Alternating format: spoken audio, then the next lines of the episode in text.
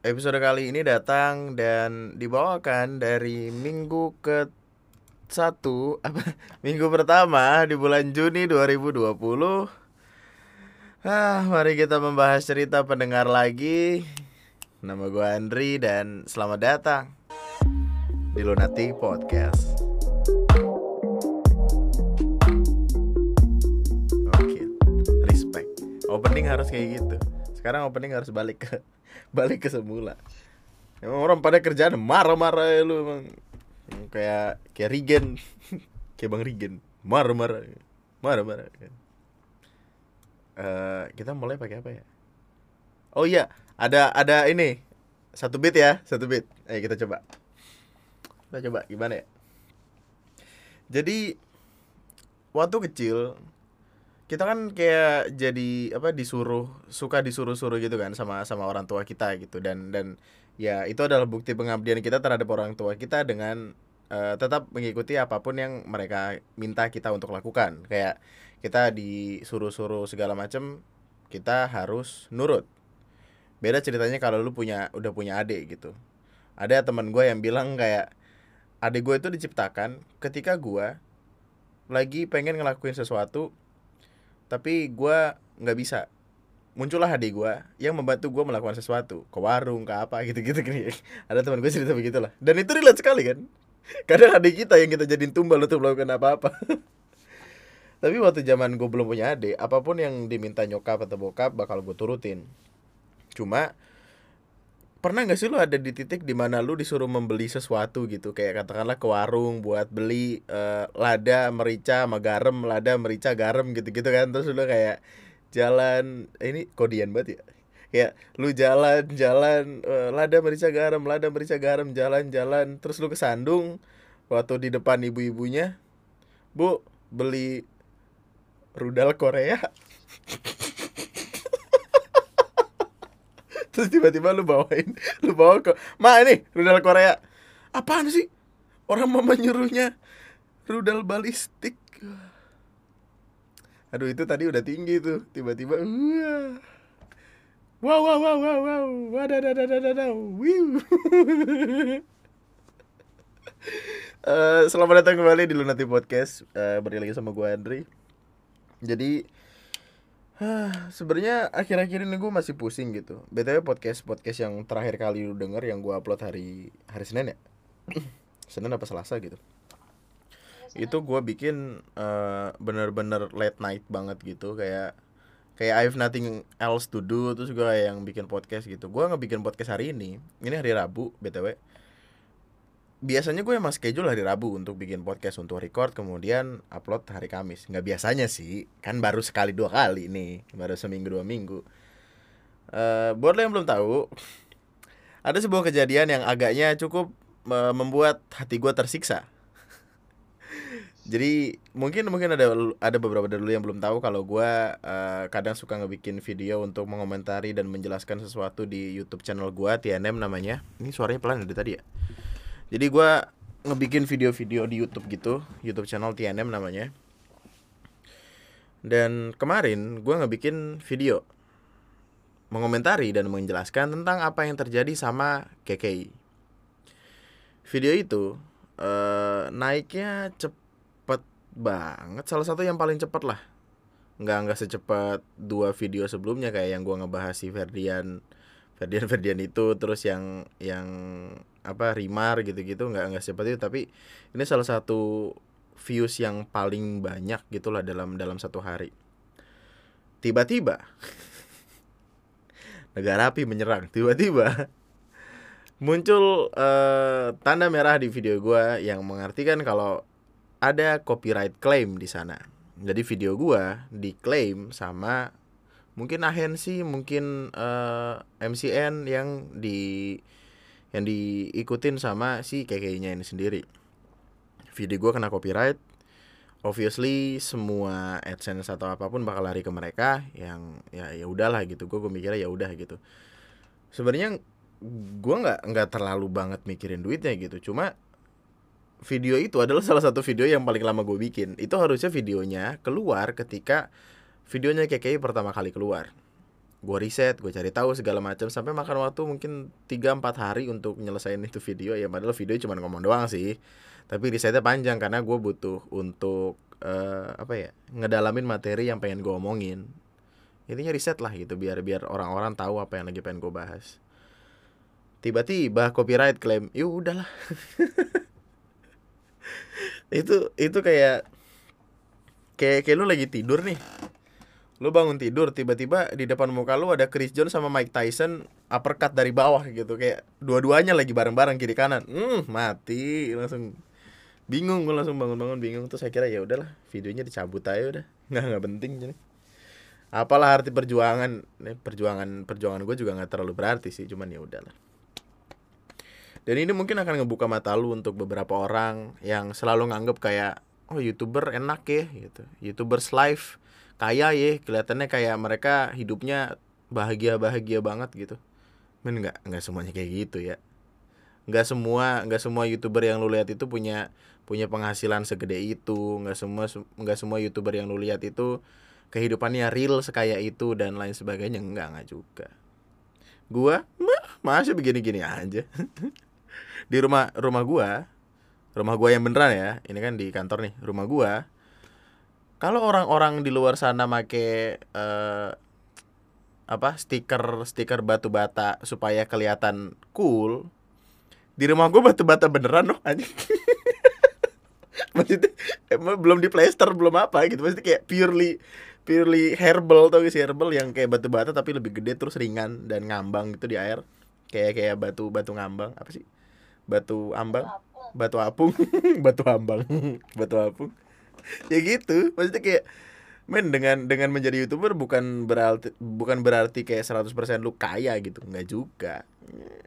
Nggak kayak youtuber menjadi seorang content creator di YouTube katakanlah. Youtuber kayak terlalu terlalu aneh gitu dengernya.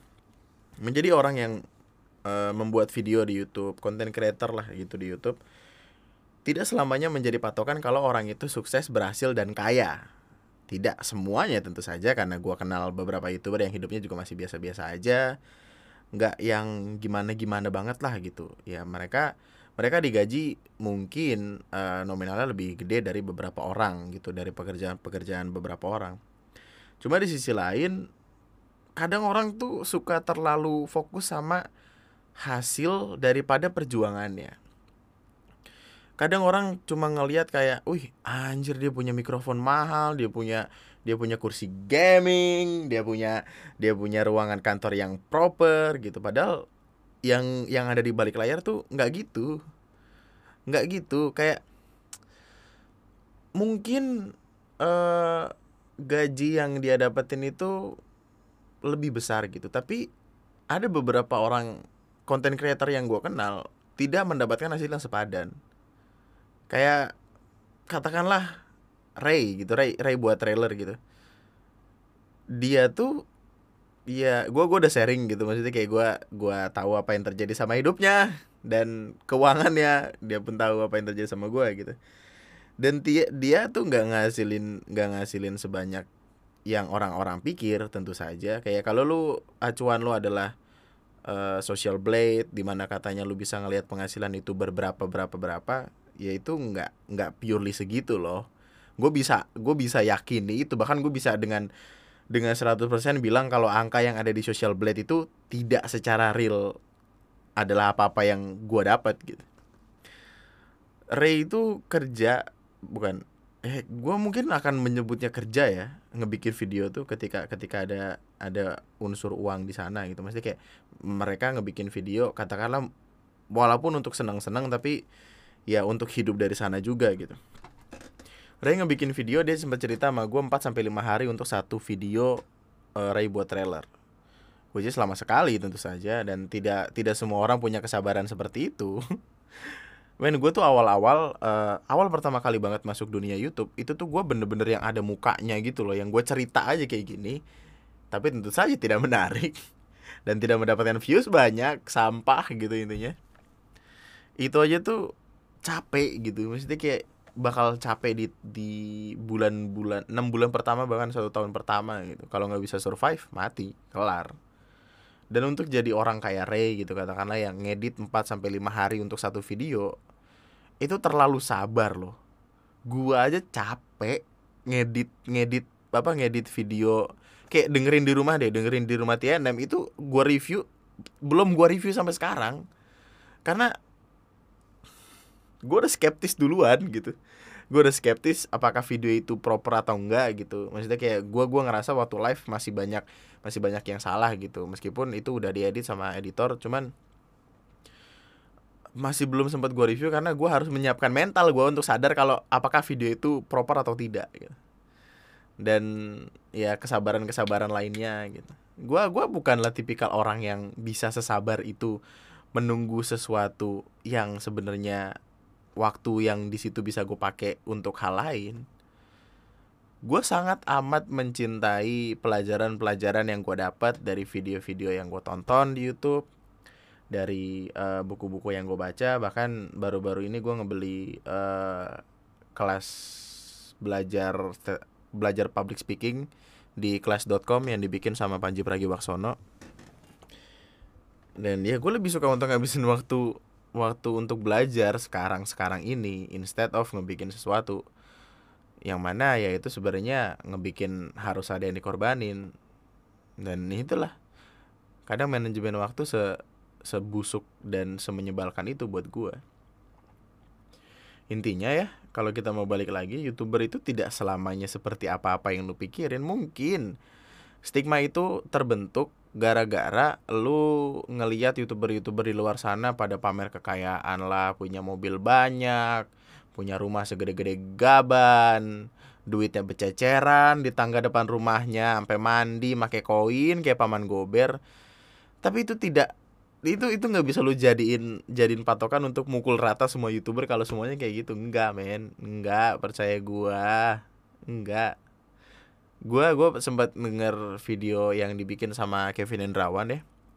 Dia bilang kalau video yang dia bikin bahkan uh, gimana ya nombok.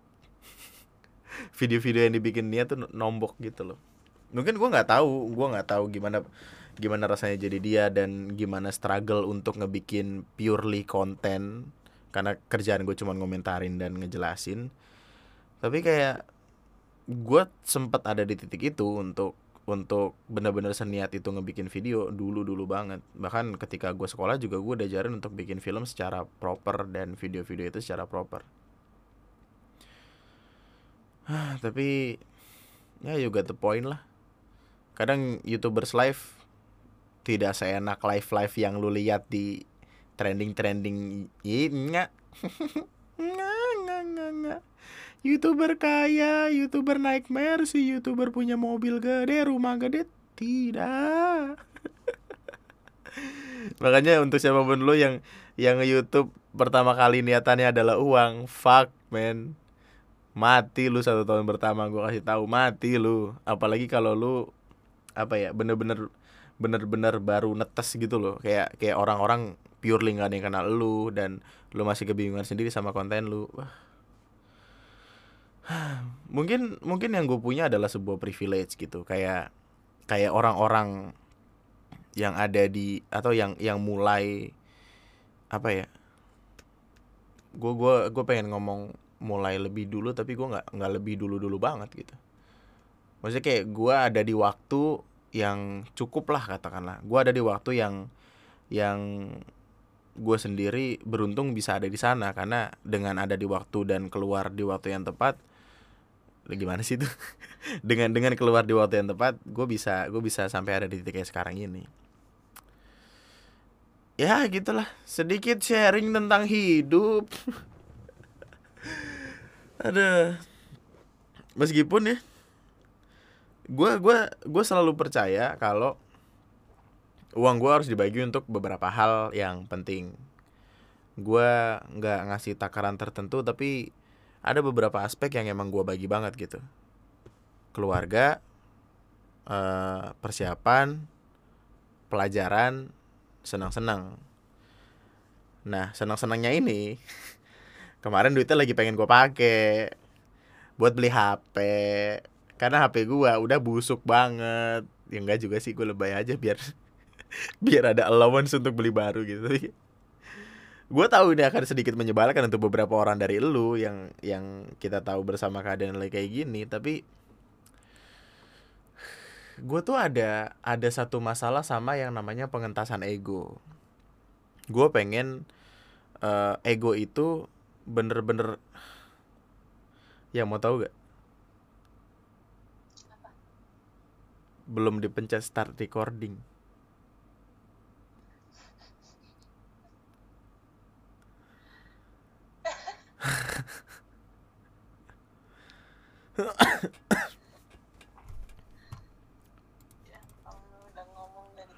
gue udah ngomong nih ya. Aduh 15 menit lumayan tuh. Ah tapi ya udah. City-nya udah ah udah city-nya sih udah. Makanya dari tadi aku ngeliatin udah city terus kayak yang anjing ini OBS gue belum belum start recording gue baru sadar aduh ya Allah hidup gini amat ya. Gini amat hidup tuh. Ntar ntar uh, ntar video di YouTube uh, awalnya bakal bakal pakai spektrum aja deh. Daripada ulang lagi capek banget gua hidup gua anjing lah.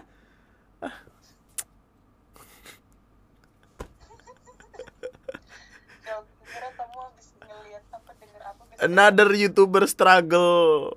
Lupa mencet tombol rekam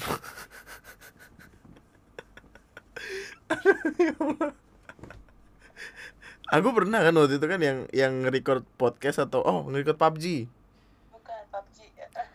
nge-record PUBG main gue udah tiga jam. tiga jam. Jadi kan uh, monitor gue ada dua ya. Satu buat gue uh, apa? Satu buat gue main game untuk direkam, satunya untuk OBS aja. Gue buka game gue, start OBS. OBS itu btw untuk untuk ngerekam ya, untuk ngerekam video di layar sama audio segala macam. Gue ngebuka game gue di OBS gue start recording. Gue main game selama 3 jam lamanya ketawa ketiwi hahaha hehe itu video lucu banget. Sumpah lucu banget parah asli. Lu kalau lihat ketawa ngakak hehehe itu pokoknya itu lucu banget. Terus gue baru sadar ternyata monitor yang gue rekam adalah monitor secondary which is bukan anjing which is lagi. Berarti bukan video bu, bukan ah, anjing lah. Bukan bukan layar di mana gua ngerekam harusnya ngerekam game itu. Jadi di layar kedua itu gua ngerekam OBS-nya sendiri. Lu tau gak sih ketika ketika lu ngerekam ngerekam sesuatu yang lagi lu rekam terus kayak ada ada glitch bayangan yang kotak-kotak makin lama makin kuju makin hilang makin hilang gitu? Jadi selama tiga jam lamanya gue baru sadar eh gue nggak sadar kalau gue ngerekam OBS-nya itu sendiri dan tidak merekam game gue audionya terekam tapi audio gue doang. Lucu. Anjing lucu. Cuma orang goblok yang bilang itu lucu. Another youtuber struggle dan itu harus lu tahu karena kadang menjadi youtuber itu tidak segampang itu ya tidak dengan membalikan telapak tangan kayak enggak. Enggak enggak enggak, enggak. mau nangis gue rasanya. Aduh. Anjing lah kesel banget gue tadi sampai mana yang HP pengentasan ego. Iya jadi jadi bete gue anjing. Kesel banget dah jadi uh, eh, gue punya gue punya salah satu problem sama pengentasan ego gue sama perkara pengentasan ego gue gue harus punya at least satu atau dua ego yang harus gue turutin dalam waktu sekian per sekian bulan gitu. Gue gua nggak tahu pasti karena badan gue kadang suka suka gimana banget gitu. Tapi ketika pengentasan ego itu berhasil gue lakuin atau katakanlah udah gue lakuin gue bakal cenderung buang mata ke hal-hal dengan price yang sama atau bahkan lebih tinggi atau ya turun-turun dikit lah. Katakanlah waktu itu gue ngebeli uh, motor. Ja, gue gua awalnya pengen pengen ngasih contoh kamera tapi kamera tidaklah pengentasan ego sih. Itu kepepet terus gagal. Anjing. Lu udah tau lu tau gak sih kenapa gue uh, akhirnya nongolin diri? Karena ya karena dimonetize dimonetize berak gitu kan. Terus kayak akhirnya gue beli kamera terus kameranya kagak kepake karena meskipun gue pakai kamera tidak screen recording sama aja dimonetize juga. Jadi ya udahlah anjing kesel banget gue lo ada yang mau beli kamera nggak? Eh Sony G7X Mark II gue jual di harga aduh berapa ya waktu itu gue beli? 7 juta sih. Enam setengah juta. Lengkap. No minus. Iya juga sih. Eh tapi kalau kalau kalau kamera ini dijual terus aku beli HP bisa tau. eh ya udahlah skip lah. Intinya gua gua ini ini hal buruk dari gua dan kadang gua juga bingung ngaturnya tapi ada pengentasan ego yang harus gua gua alamin per per beberapa waktu sekali supaya gua fokus. Karena dari kemarin ketika gue bikin video sama Keke itu mungkin salah satu alasan kenapa lama adalah karena ini. Gue kadang ya 15 menit 30 menit berhenti untuk ngeliatin Tokopedia ngeliatin HP yang gue incar baru kemudian fokus lagi. Terus kayak setelah beberapa jam gue ingat lagi HP itu gitu. Terus kayak sampai sampai ada di titik kayak gitu bahkan gue mimpi ini sumpah gue nggak bohong ya sumpah gue nggak bohong nih sumpah gue nggak bohong nih baru tadi soalnya tadi pagi. Masih inget tipis-tipis cuman kan ya seperti yang orang lain bilang 90% mimpi kita akan hilang ketika ketika hari berjalan gitu. Tapi kayak aku masih inget nih berapa tipis-tipis nih. Aku bangun tidur eh, gue kenapa jadi ngomong sama lu gue gue bangun tidur dalam keadaan eh gue ada di medan perang gue nggak tahu kenapa. Mungkin karena gue kebanyakan nontonin Shingeki no Kyojin yang trailernya tuh karena hype banget kan terus gue entah kenapa megang HP yang gue incar Xiaomi Mi I Note 10 Mi I Note 10 dan HP itu gue bawa jalan gue nunduk ngeliatin HP itu gue jalan ke tengah perang dan gue tidak tertembak tidak apa kan anjing ya maksudnya nih mimpi apa maksudnya maksudnya gue Maksudnya kalau kamu beli kamu selamat Iya. Apakah dengan gue beli HP gue akan selamat dari semua perpecahan di dunia? Rasanya tidak. Tapi kayak worth it untuk dicoba.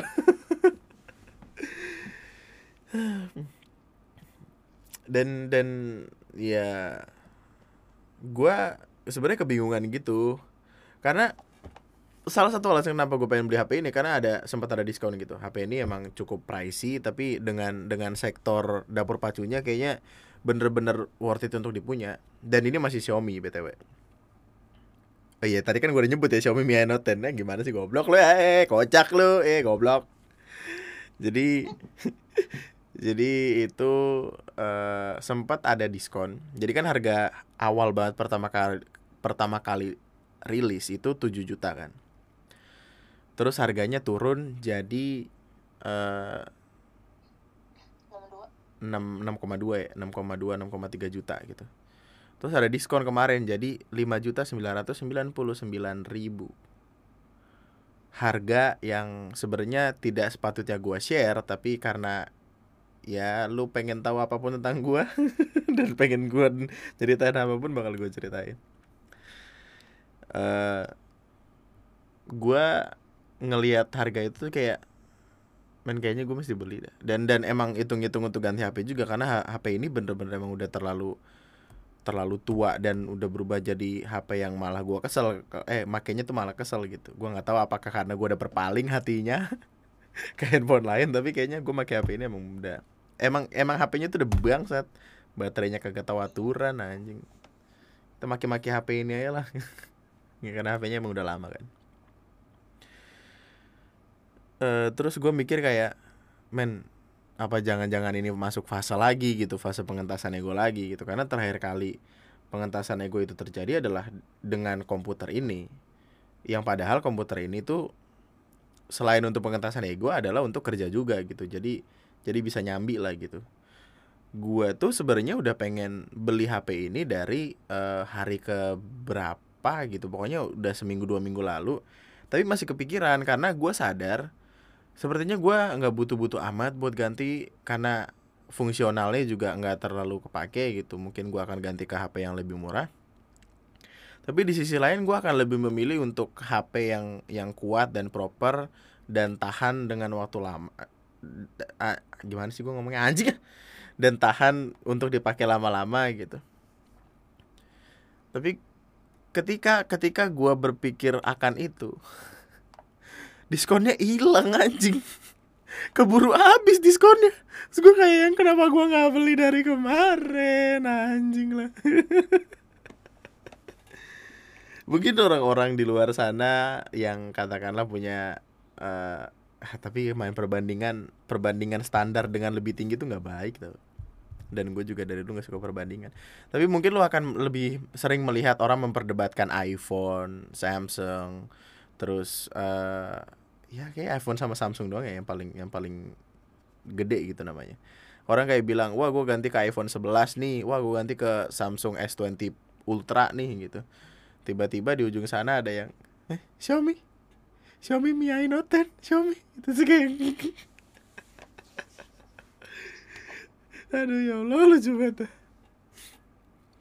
Tapi ya gue nggak tahu sih apakah gue akan menuruti pengentasan ego ini atau enggak. Karena at the end of the day yang ngatur gimana gimana itu adalah gue gitu. Apakah gue bisa ngatur ego ini dan tidak lagi berpikiran kalau pengentasan ego adalah sebuah hal yang normal untuk dilakukan? Atau gimana? Gue nggak tahu juga. Tapi gue mem masih membenci konsep di mana gue terlalu lama mikir sampai akhirnya pemikiran lama itu jadi bumerang gitu. Karena akhirnya promonya hilang kan anjing. Oh atau atau itu justru jadi hal yang bagus ya?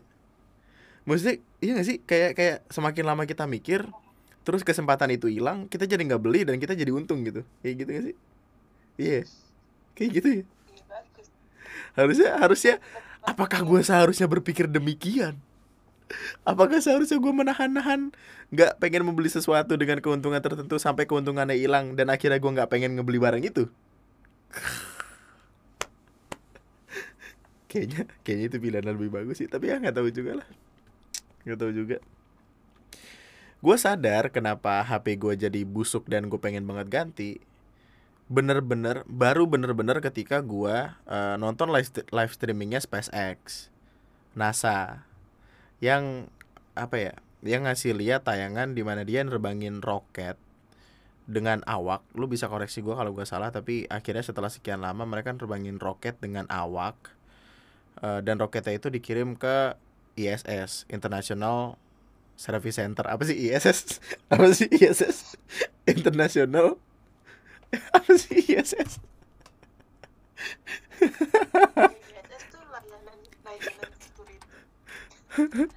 Sepertinya orang lain kaget sama kenapa service center anjing. Itu juga ISC harus jangan service center. International Space Station, Space Station. Ya gitu. Jadi orang-orang ini masih lucu tuh. Kenapa service center jadi uh, di luar sana ada sebuah ada sebuah apa sih namanya? Satelit gitu satelit yang service center. Anjing masih balik lagi. Satelit space station gitu. Jadi kayak orang yang yang terbang terbang ke luar angkasa akan akan ke situ gitu. Gua nggak tahu mungkin ngopi-ngopi ngopi-ngopi cantik ngopi-ngopi ganteng melihat alien melihat penampakan bulan dan matahari kita nggak tahu. Intinya intinya uh, astronot ini pergi ke ISS International Space Station nah tolong diingat anak-anak jangan Space Center dong eh, Space Center aja atau International Space Service. Ya. Yeah. Maksa banget. Gue adalah orang yang mencintai langit, uh, antariksa, dan lain sebagainya gue adalah orang yang mencintai bagaimana bumi terbentuk, bagaimana bumi berevolusi, bagaimana luar angkasa bekerja, bagaimana pemikiran manusia dalam alam, dan alam semesta bekerja. Itulah kenapa gue nge waktu ngeliat live streaming ini ngerasa tuh amazed banget gitu loh. Kayak apa ya? Akhirnya setelah setelah sekian lama, gue nggak tahu sebelumnya ada live streaming atau enggak sih ya, tapi sepertinya ada tapi gue nggak lihat. Akhirnya gue ngeliat dengan mata gue sendiri live streaming. Bukan bukan ngeliat dengan mata gue sendiri roketnya tapi gue melihat dengan mata gue sendiri live streamingnya di HP dan dikasih lihat bener-bener dikasih lihat gitu loh dari yang roketnya terbang. Btw itu itu kan uh, setelah makan siang kalau nggak salah setelah, setelah makan siang dengan waktu Amerika waktu itu gue nonton live streaming di akun YouTube NASA atau SpaceX NASA ya kalau nggak salah. Itu jam 2 pagi. Jam 2 sampai jam 3 pagi gitu lah. Dan itu tuh meskipun ngantuk-ngantukan gue ngerasanya kayak wah gokil ya. Roket naik terbang uh, pendorongnya ngebawa sampai ya mungkin atmosfer apa gitu. Terus kayak keluar si si pesawat awaknya ini keluar ke luar angkasa terus si roket apa pendorongnya ini kekuatan pendorongnya itu balik lagi ke bumi dan berhasil mendarat di kapal. Coba lu bayangin perhitungannya serumit itu loh kayak mungkin orang-orang kayak gua yang nyari persamaan linear dua variabel aja kagak ketemu kayaknya gua nggak bakal ada minat untuk mikir-mikir gimana caranya itu itu ujung roket bisa nyampe ke kapal pas banget di tengah lautan gitu tapi uh, itu kapal awaknya berhasil keluar angkasa dan butuh waktu sekitar 10 mungkin 10 15 jam gue nggak tahu. Pokoknya live streamingnya jam 2 pagi kemudian besoknya ada live streaming lagi yang ngasih lihat kalau kapal awak itu udah uh, apa sih namanya kalau cuman sama ISS apa sih?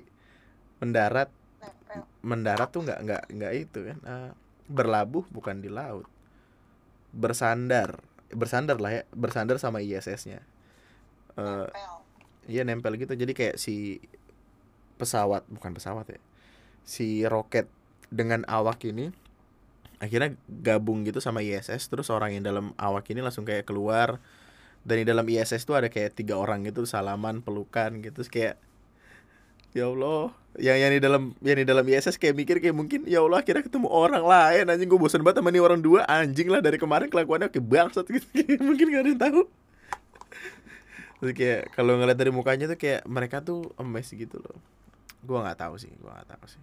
Gua nggak tahu apakah gua gua akan bisa melihat itu lagi di di waktu kehidupan gue yang lain gua nggak tahu gue nggak tahu apakah itu real atau enggak karena dari kemarin banyak orang yang masih berdebat tentang bumi itu datar atau bulat atau kenapa kita pergi keluar angkasa katanya di atmosfer itu panasnya bahkan bisa melelehkan logam. Logam sekuat apa yang dipakai untuk roket sampai akhirnya bisa eh bla bla bla bla bla bla. Ya meskipun di sisi lain gue bingung gitu karena tayangannya live streaming nih. Masa iya sih men?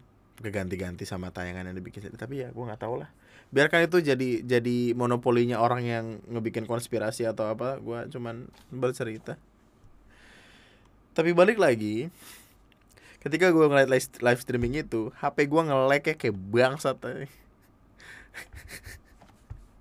gue ngeliat live streamingnya di HP kan karena komputer udah gue matiin. Gue udah gue udah posisi tiduran tuh karena Ara udah tidur kan biasanya video call. Terus Ara tidur gue ya udah nonton live streaming.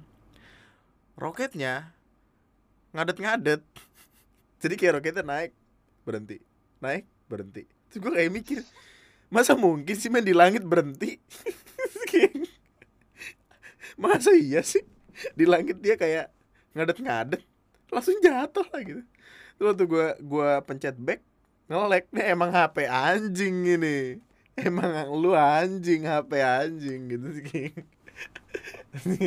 Langsung hasrat untuk ganti HP langsung menggebu-gebu. Karena gue membenci ketika sesuatu tuh menghalangi kebahagiaan gue akan sesuatu yang lain. Filosofis aja hidup gue padahal emang pengen ganti ya aduh. Tapi ya itulah itu beberapa hal yang terjadi dan ada di pikiran gue baru-baru ini. Eh kenapa ada kaki gue uh, gue ngomongin tadi sebenarnya tidak ada skrip tidak ada apa cuma pengen ngomongin aja. Karena gue awalnya mikir ah kalau ngebacain cerita pendengar tapi tidak ada storytelling di depan sepertinya akan basi. Tapi storytellingnya kepanjangan anjing udah setengah jam lebih. Gimana dong nih apakah kita akan lempar ke episode selanjutnya? Rasanya tidak seru. Ya udah kita bacain aja deh. Apa ceritain aja satu dua. Satu dua. itu, itu loh satu dua banyak dong dua belas. Satu atau dua. Pilih aku atau dia yang engkau cinta. Hah, Kita baca email mulai dari subjeknya aja udah keluhan nih. Masih kita malam-malam tengah malam mau ngeluh. Ya udah bareng-bareng lah. Sambat aja kerjaan lu berak uh, Assalamualaikum bang. Waalaikumsalam warahmatullahi wabarakatuh. Perkenalkan nama gua HA Gue minta pendapat lu. Alhamdulillah sekarang gua kerja dan gue udah niat untuk gue udah niat dan udah daftar kuliah juga. Tapi di sisi lain gue punya tanggung jawab yang besar. Bisa dibilang gue tulang punggung keluarga. Ujung tombak ekonomi keluarga. Gue itu ada gue itu ada di gue oh tulang ujung tombak ekonomi keluarga itu ada di gue gue punya tanggung jawab sama sekolah adik gue dan juga sama mama gue dan di umur gue yang 19 tahun ini gue sangat stres dengan semua itu beban yang harus gue pikul, pikiran yang mungkin seharusnya di umur 19 tahun ini nggak harus mikirin ini. Menurut lu, gue harus gimana biar beban ini nggak bikin gue stres? Terima kasih bang, semoga sukses dan sehat selalu. Amin. Amin, terima kasih. Lu adalah gue ketika gue umurnya 19 tahun juga. gue akan ngomong hal-hal yang uh, rasanya udah gue sendiri alamin. Eh, gini deh kita kita ceritain dulu bahasannya deh. Lulus SMK biasanya umur berapa ya? Kenapa rambut gue 18 18 tahun ya iya benar. Iya benar. 18 tahun. Jadi bahkan gue ada di umur 18 tahun ketika ketika kejadian ini terjadi. Bokap gue cabut dari kelas gue 2 SMK otomatis gue adalah tulang punggung keluarga ketika itu. Kalau gue nggak kerja uh, nyokap bakal empot-empotan ngebiayain sekolah gue eh sekolah gue sekolah adik gue dan kehidupan kami. Mau nggak mau gue harus kerja. Purely kerja dan setelah sekolah bahkan itu ketika ketika ijazah sebelum turun dan baru SKHUN yang turun gue udah ngelamar pakai SKHUN itu. Uh, meskipun apa? SKL SKL SKL SKL meskipun gua gimana ya meskipun gua sadar kalau yang gua lakuin itu terkesan uh, apa ya terkesan bener-bener ngejadiin gua tulang punggung keluarga entah kenapa gua nggak ada pikiran untuk untuk beranggapan kalau wah kayaknya gue nggak seharusnya ada di keadaan kayak gini deh atau wah anjing gue nyesel banget sih ada di keadaan kayak gini gitu. Nggak kayak kalau lu sesayang itu sama keluarga lu sesayang itu sama nyokap lu sama adik lu lu bakal sadar kalau apa-apa yang lu lakuin adalah hal yang emang pengen dan harusnya lu lakuin dengan niatan dari diri sendiri. Waktu gua ini ini sorry nih sebelumnya sorry gue gua selalu bilang kayak untuk untuk jangan selalu memakai perbandingan tapi gue akan menjadikan ini sebagai sebagai contoh dari diri gue karena itu exactly the same kayak yang gue lakuin beberapa tahun lalu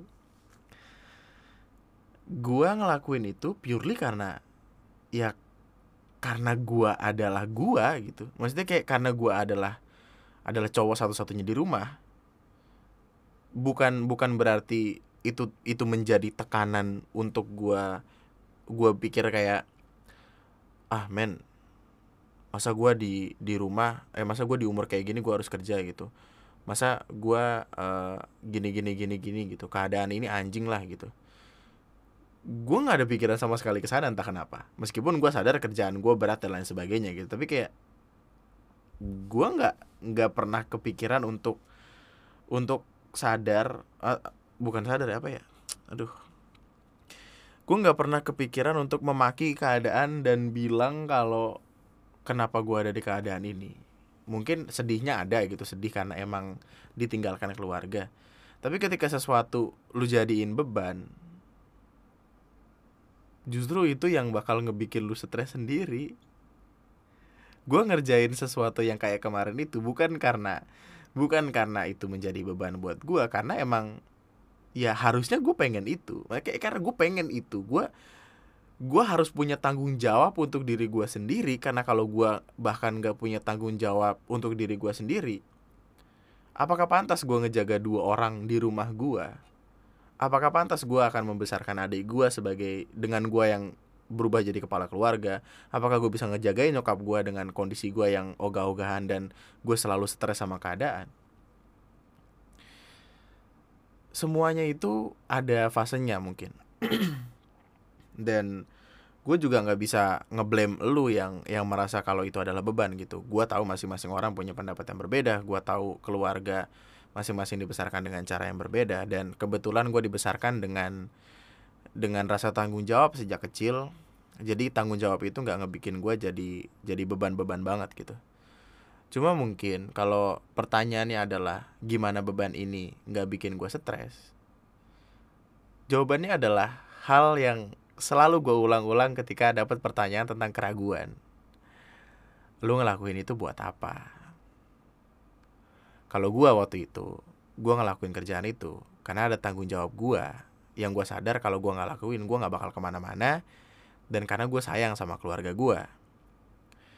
Rasa sayang itu harusnya lebih besar dan tidak apa ya dan dan harusnya bisa ngangkat semua beban yang ada, ngangkat semua stres yang ada ngejadiin itu jadi energi ngerubah itu jadi energi yang lebih baik untuk hidup yang lebih baik lagi hidup partai apa sih? Biasanya kan ada tuh untuk hidup yang lebih baik apa sih? Gitu, -gitu.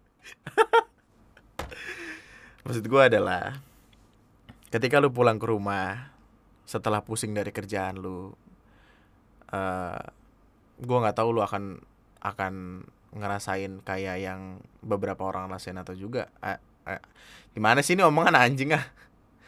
Gue nggak tahu lu bakal ngerasain ini juga atau enggak tapi gue minta tolong untuk lu ngambil dari sudut pandang yang lebih luas lagi.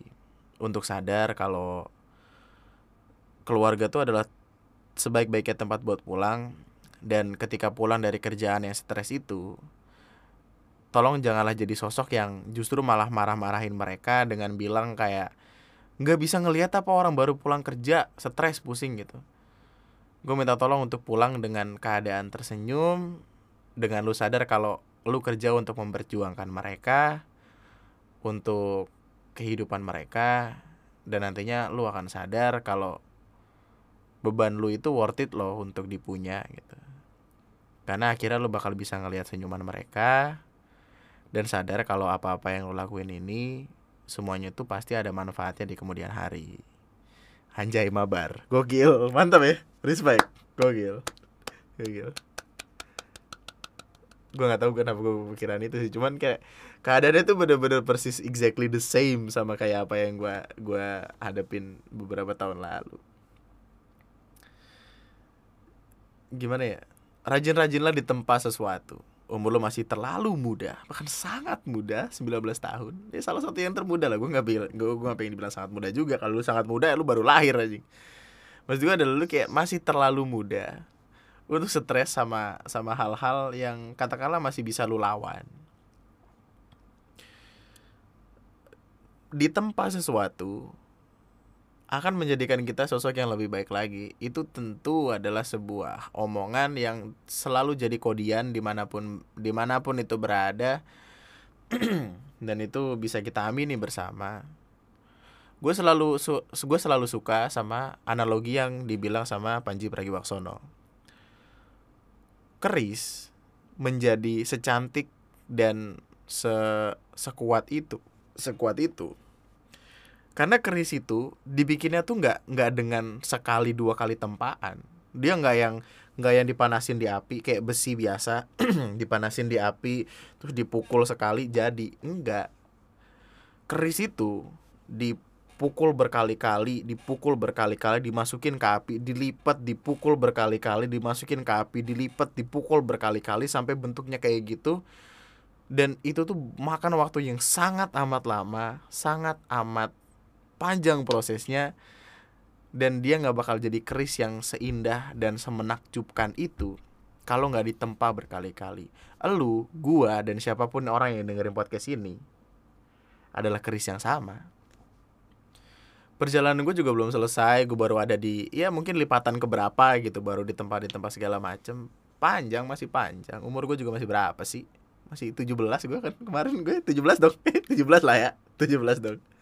Terus juga gue nggak nggak nggak muda-muda banget tapi gue juga nggak tua-tua banget. Masih banyak hal yang harus gue laluin. Dan kalau lu stres di percobaan lipatan pertama atau kedua takutnya nanti waktu di tempat selanjutnya lu patah lu stres lu kelar.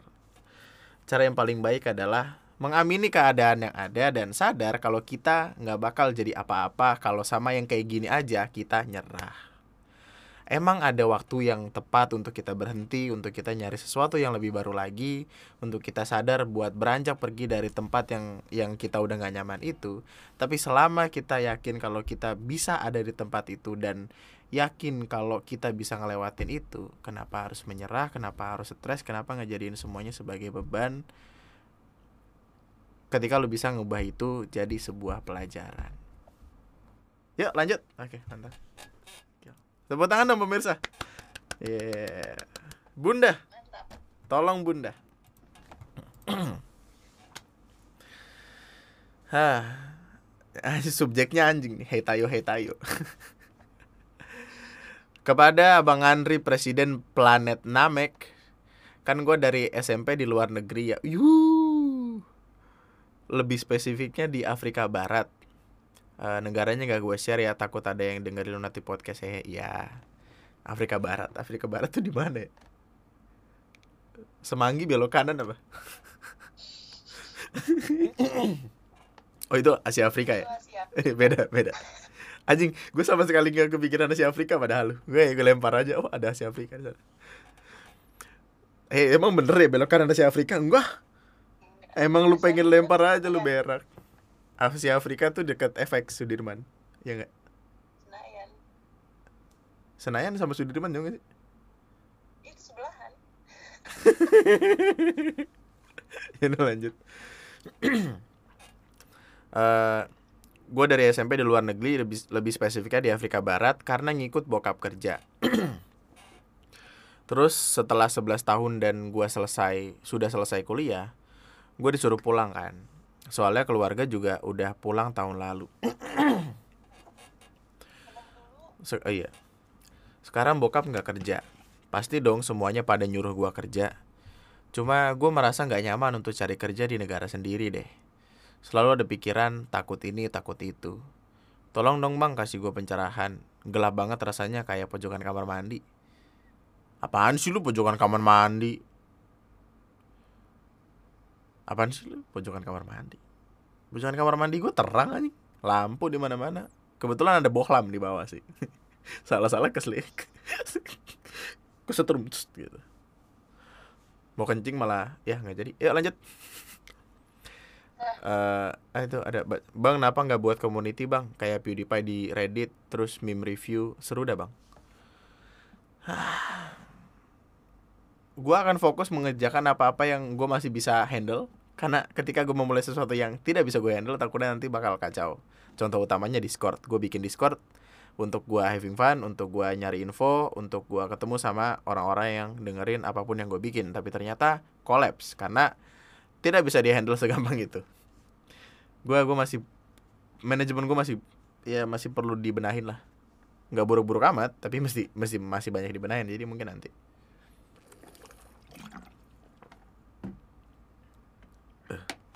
anjing gue minum air aja ketahan di tenggorokan gara-gara banyakan ngomong. Eh gimana? Dia merasa nggak nyaman untuk cari kerja di negara sendiri. Selalu takut ini takut itu. Gue gue gue makin ngerasa kayak men gue gue bukan pemecah masalah semua orang gitu. Gue cuma ngambil sudut pandang dari gue ya lu lu jangan datang ke gue dengan harapan untuk masalah lu bisa selesai. Men ada banyak orang yang email ke gue dan gue balas kayaknya lu butuh dukungan psikiater deh gitu. Instead of instead of nanya ke gue gitu. Karena kayaknya kalau udah nggak ketolong ya udah gitu. Gue gue pun men hands up angkat tangan gue nggak bisa. Tapi untuk perkara ini gue akan gue akan sedikit ngambil apa ya? Ngambil ngambil sudut pandang objektif untuk hal ini anjing. Apa sih? Eh, orang tua lu mungkin ya mungkin. Ini mungkin gue bisa aja salah. Orang tua lu mungkin pengen lu kerja di Indonesia karena mereka udah nggak lagi mau jauh sama lu. Main lu di Afrika itu tuh berenang keburu mati anjing. Maksudnya kayak jauh banget gitu. Orang tua lu mungkin udah bosen sama jarak. Orang tua lu pengen eh, eh tapi sebelumnya dia ngikut bokap kerja ya?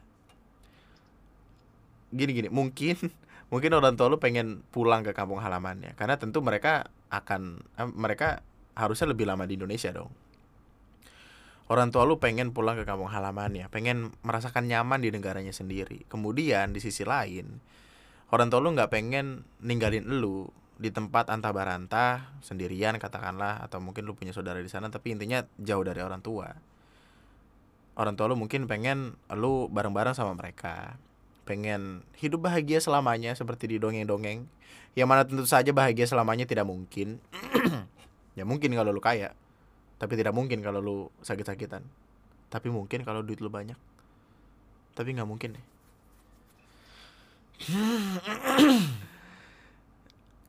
orang tua kadang tuh apa ya kadang emang ada beberapa pilihan orang tua yang kadang yang nggak serak sama kita gitu.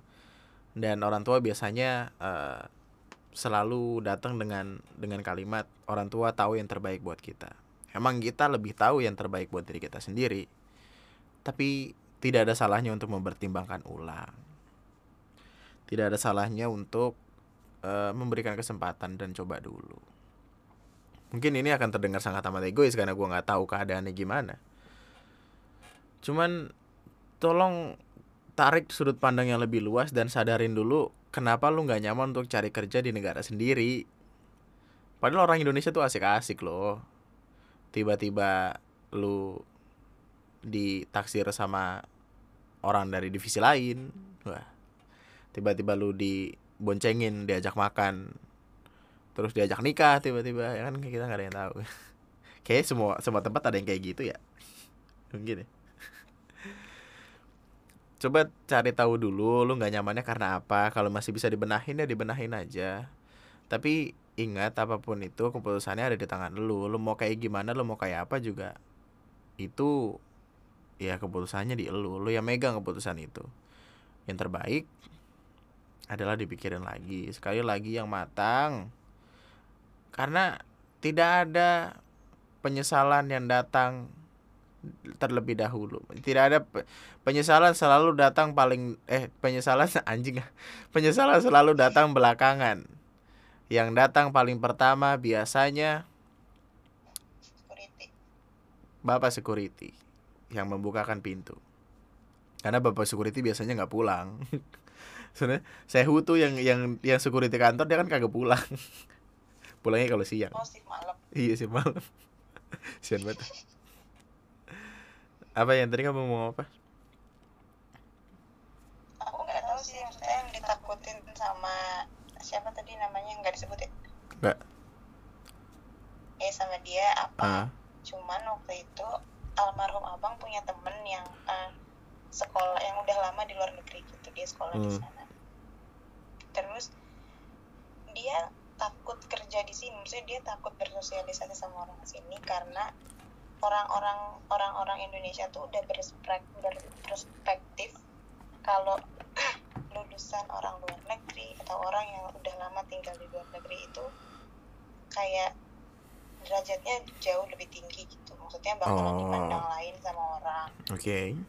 waktu itu nggak tahu sih yang ditakutin dia gimana cuman waktu itu teman temennya almarhum abang tuh ada yang kayak gitu makanya dia akhirnya dengan kom- apa kompromi sama keluarga akhirnya balik lagi ke negaranya untuk kerja di sana karena emang udah nggak nyaman aja Hmm. mungkin mungkin untuk untuk dia ya untuk dia eh, negara negara apa negara tempatnya dia sekolah itu udah kayak udah kayak kampung halaman buat dia karena dia kan Hmm. udah kecil di sana gitu Mm-mm.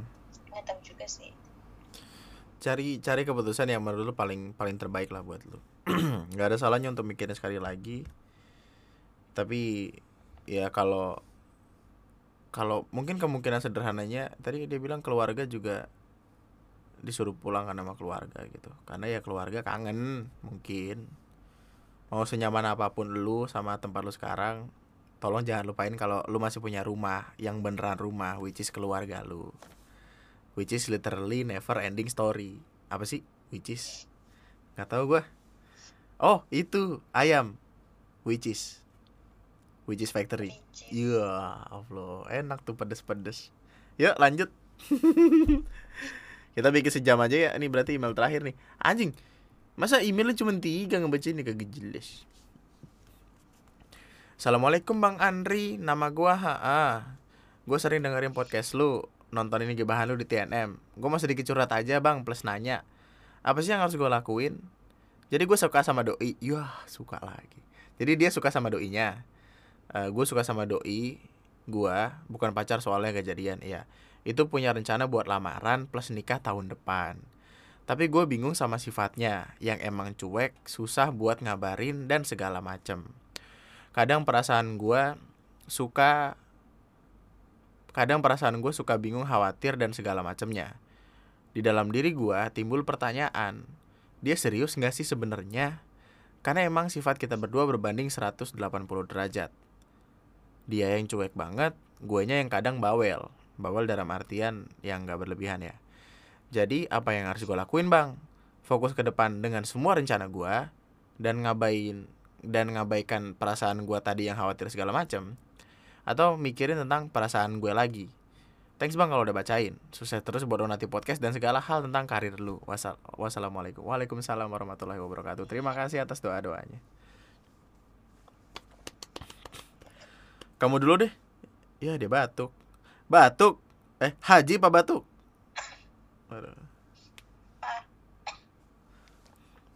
Itu tadi gimana? Jadi kayak dia dia pengen nikah lamaran. Aku pengen sebat jadi biar kamu ngomong aja dulu. Jadi dia nikah uh, mau nikah mau lamaran tahun depan which is tahun ini berarti. Karena email ini udah kemarin. Yang cuek itu ceweknya. Karena karena satu dan la lain alasan nggak tahu apa. Kamu nyuruh aku jawab karena kamu cuek. Iya karena ini akan jadi contoh yang bagus mungkin sebaliknya cowok yang cuek cewek yang tidak cuek tapi ya Kemarin aja gue berantem gara-gara gue nggak ngabarin seharian. Karena emang ya udah sibuk aja gue. Taduh, tapi gini deh. Kadang orang uh, mungkin terlalu skeptis gitu. Mungkin karena apa-apa yang dia lihat atau apa-apa yang udah pernah dia rasain. Tapi tidak selamanya cuek berarti berarti bener-bener pengen cabut dan gak peduli loh. Kayak gue emang kelihatannya cuek gitu dengan dengan kayak katakanlah nggak ngebales chat nih orang terus nggak ngewasap nggak ngecall segala macem. Tapi kayak ya men I have I have something else to do gitu. Gue gue ngetik skrip gue ngedit segala macem ngedit video keke yang padahal copyright tapi nggak apa-apa lah gitu. Itu kayak I'm doing something something else gitu. Tidak tidak selamanya cuek berarti tidak peduli ya dia tidak pedulinya ketika dia cuek sih tapi maksudnya kayak setelah cueknya hilang dia bakal peduli lagi gitu gitulah. Skeptical kadang orang-orang tuh. Yang mana ya normal sih. Oleh karena itu komunikasi adalah kunci dari treasure One Piece. Kunci dari segala hal. Coba misalkan misalkan lagi geber-geber motor. Ngeng motornya mati. Terus kuncinya ternyata terbang ke mana? Wah di starter motornya nggak nyala-nyala. Wah. Taunya lu waktu lagi diem bingung termenung tiba-tiba orang bawain kunci lu terus dinyalain motor itu bisa. Jadi kuncinya adalah kesabaran. Ya lanjut. Apa? Tadi kamu mau apa? Aku mau sebat nih. Apa ya? Aku soalnya juga bukan tipe orang yang itu loh ya bukan tipe orang yang nyariin banget maksudnya kayak ya udah aku juga bingung jadi ngasih taunya ini tuh oh iya deng ini perkara ngabarin juga ya? Ya boleh tuh. Apa tadi kamu mau apa? Ya, kayaknya mungkin bisa diambil gini. Uh, emang komunikasi itu perlu gitu. komunikasi itu kunci dari sebuah hubungan. Tapi kalau misalkan emang alasannya sifat gitu sifat seperti yang kamu bilang gitu sifat emang nggak bisa diubah. Sifatnya emang udah kayak gitu terus udah ada niat obrolan dari kedua dua orang ini mau serius ya lanjutin maksudnya nikah nikah tuh gimana ya ngomongnya ya? Cuma di sisi lain ya, kan dia dia bingungnya tidak tidak kayak apa ya kayak ceweknya cuek karena kan masih beda rumah gitu. Maksudnya kayak ceweknya nggak ngabarin, ceweknya nggak ngasih tahu atau apa, tapi kan nantinya ketika lu nikah lu udah satu rumah, ya tanpa ngabarin juga lu tahu dia ngejogrok di kasur gitu. Lagi main HP atau apa gitu. ya. Mungkin biasanya gitu. bukan bukan cuek tahu orang tuh Males aja untuk bersosialisasi. iya maksudnya aku juga aku aku kan juga bukan tipe orang yang cuek-cuek banget yang bawel-bawel banget. Tapi ketika emang lagi pengen bales males bales tuh ada. Males bales kayak baca dari notif doang atau bales entar-entaran. Tapi ada yang ketika pengen bales cepet. Kayak tergantung mood aja gitu. Dan gue pribadi juga adalah tipikal orang yang kayak gitu. Kayak kalau gue lagi nggak pengen sosialisasi gitu socialize sama orang gue bakal ya udah hp gue taruh paling gue balesin chat dia doang chat si berak ini. Yang lain tuh emang udah bener-bener ya udah gitu apa pun itu. Bukan bukan berarti gue membenci orang-orang yang ngechat gue dan gue cuek sama mereka gitu. Tapi kalau penting juga masih dibales sih. Cuma lebih ke gue pengen ngeluangin waktu buat diri gue sendiri tanpa musingin apa pun gitu. Dan itu tuh emang udah sifat bawaan lahir aja. Dan itu adalah introvert. Kasarnya ya. Kayak kasar banget gitu lah ngambil ngambil kasarnya itu adalah tipikal introvert tuh kayak gitu. Kayak butuh untuk recharge dari ngobrol sama orang. Butuh untuk rehat dulu gitu loh. Gue nggak pengen diganggu siapa-siapa dulu nih gitu. Tapi ya kalau udah baik lagi ya balik lagi. Ya mungkin lu bisa tanyain dulu komunikasiin dulu. Lu kayak pertanyaan pertanyaan sesederhana bilang kayak aku takut ragu ke depannya gimana kalau sifat kamu masih cuek kayak gini. Kamu bisa pastiin gak nih ketika kita udah nikah nanti cueknya kamu nggak bakal sama kayak gini. Dalam artian ketika ketika aku butuh kamu ya kamu ada di situ kita sama-sama ada. Ketika aku nyariin kamu yang nggak ada kabar di rumah kamu bisa balas chat aku gitu-gitu. Ya mungkin yang kayak gitu kayak gitu. Gua susah ya kalau perkara sosialisasi ngomongnya sama gua. Males banget gua. Gua balesin chat aja kayak berapa berapa minggu kemarin aku nggak pengen balesin chat orang. Yang sampai bener-bener out gitu. Dua minggu dua minggu kayaknya ada deh. ya gitu kadang-kadang emang ada sifat masing-masing orang aja. Dan bisa dibicarakan. Gue nggak tahu apakah itu jawaban yang terbaik buat lu denger atau enggak tapi semoga itu membantu. Karena nikah bukanlah sebuah hal yang sepele. Kalau lu nggak yakin sepele itu bisa jadi sedrogba Pele, Drogba, main bola. Ya, nggak tahu lo ya. Nggak pernah ngeliatin kompilasi gol sih lo. Kerjaan gue dari kemarin ngeliatin kompilasi gol anjing, lucu dah. Gue ngeliatin Barca sama Madrid anjing gokil. Masa Barca 6-2 sama Madrid pernah. Gue nggak tahu sih Madrid pernah ngelawan berapa tapi kayak anjing kenapa jadi ngomongin bola. Gue jadi demen bola kayak bapak-bapak. Gue nontonin berita mulu sekarang sama bola. Eh BTW ini emailnya thank you. tapi soal kepercayaan itu apa soal cuek-cuekan itu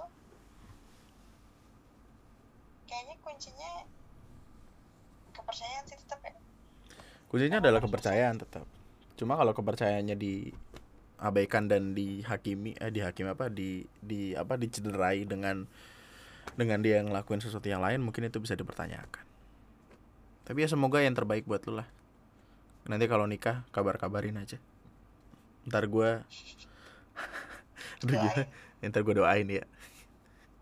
Balesin chat gue orang aja gue males gimana ke kondangan. Berapa kali kamu ngajakin aku ke undangan orang tapi aku nggak datang? nggak tahu berapa kali tapi baru sekali kamu benar-benar datang karena itu saudara aku yang nikah jadi kamu harus datang kalau nggak datang gue di dicoret dari di sila keluarga ntar Tapi yaudah, eh, itu aja untuk podcast gue kali ini.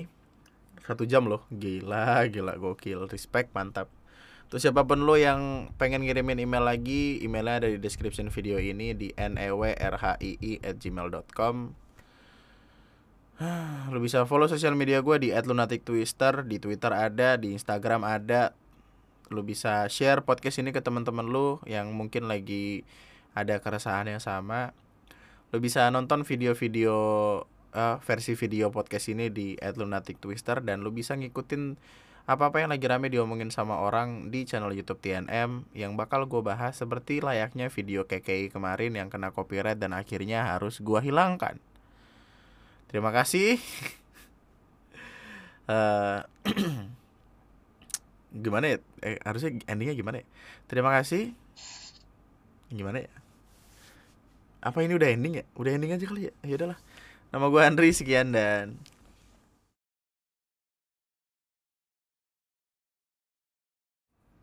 episode selanjutnya ngebahas apa enaknya? Sebenarnya banyak tahu bahasan Eh, yang yang list- pengen aku mau. di list list yang waktu itu Enggak, yang mana aku tuh pengen eh, ngebahas sesuatu yang nggak strict banget gitu loh. Maksudnya kayak list yang itu iya gitu, tapi itu mungkin akan jadi tambahan aja. Kayak tadi juga itu kan sebenarnya tiga tiga poin mendasar SpaceX, HP sama YouTube itu kan emang cuman tiga poin dasar gitu doang kan kayak ya udah gitu nggak ada lagi yang pengen diomongin tapi tiba-tiba ngalir gitu aja. Pengen yang ngebahas kayak eh kayak apakah percaya sama masa depan apa alien gitu-gitu kayak apakah percaya sama time travel gitu-gitu. Tidak yang secara straight ngomongin kayak anime film gitu-gitu. Kayak katakanlah mungkin aku lagi ngebahas wah percaya alien nggak? gitu. Tapi gue suka deh nontonin film ini gini gini gini gitu mungkin itu bisa dicoba untuk podcaster di luar sana. Yoi respect mantap. Ini bagus banget sih buat ngelatih public speaking. Eh cabut gua. Udah malam anjing. Jam berapa nih? Jam 3 Lumayan nge-record podcast jam 3 Kayak kagak ada waktu lah yang lu kerja. Ya, bye bye Thank you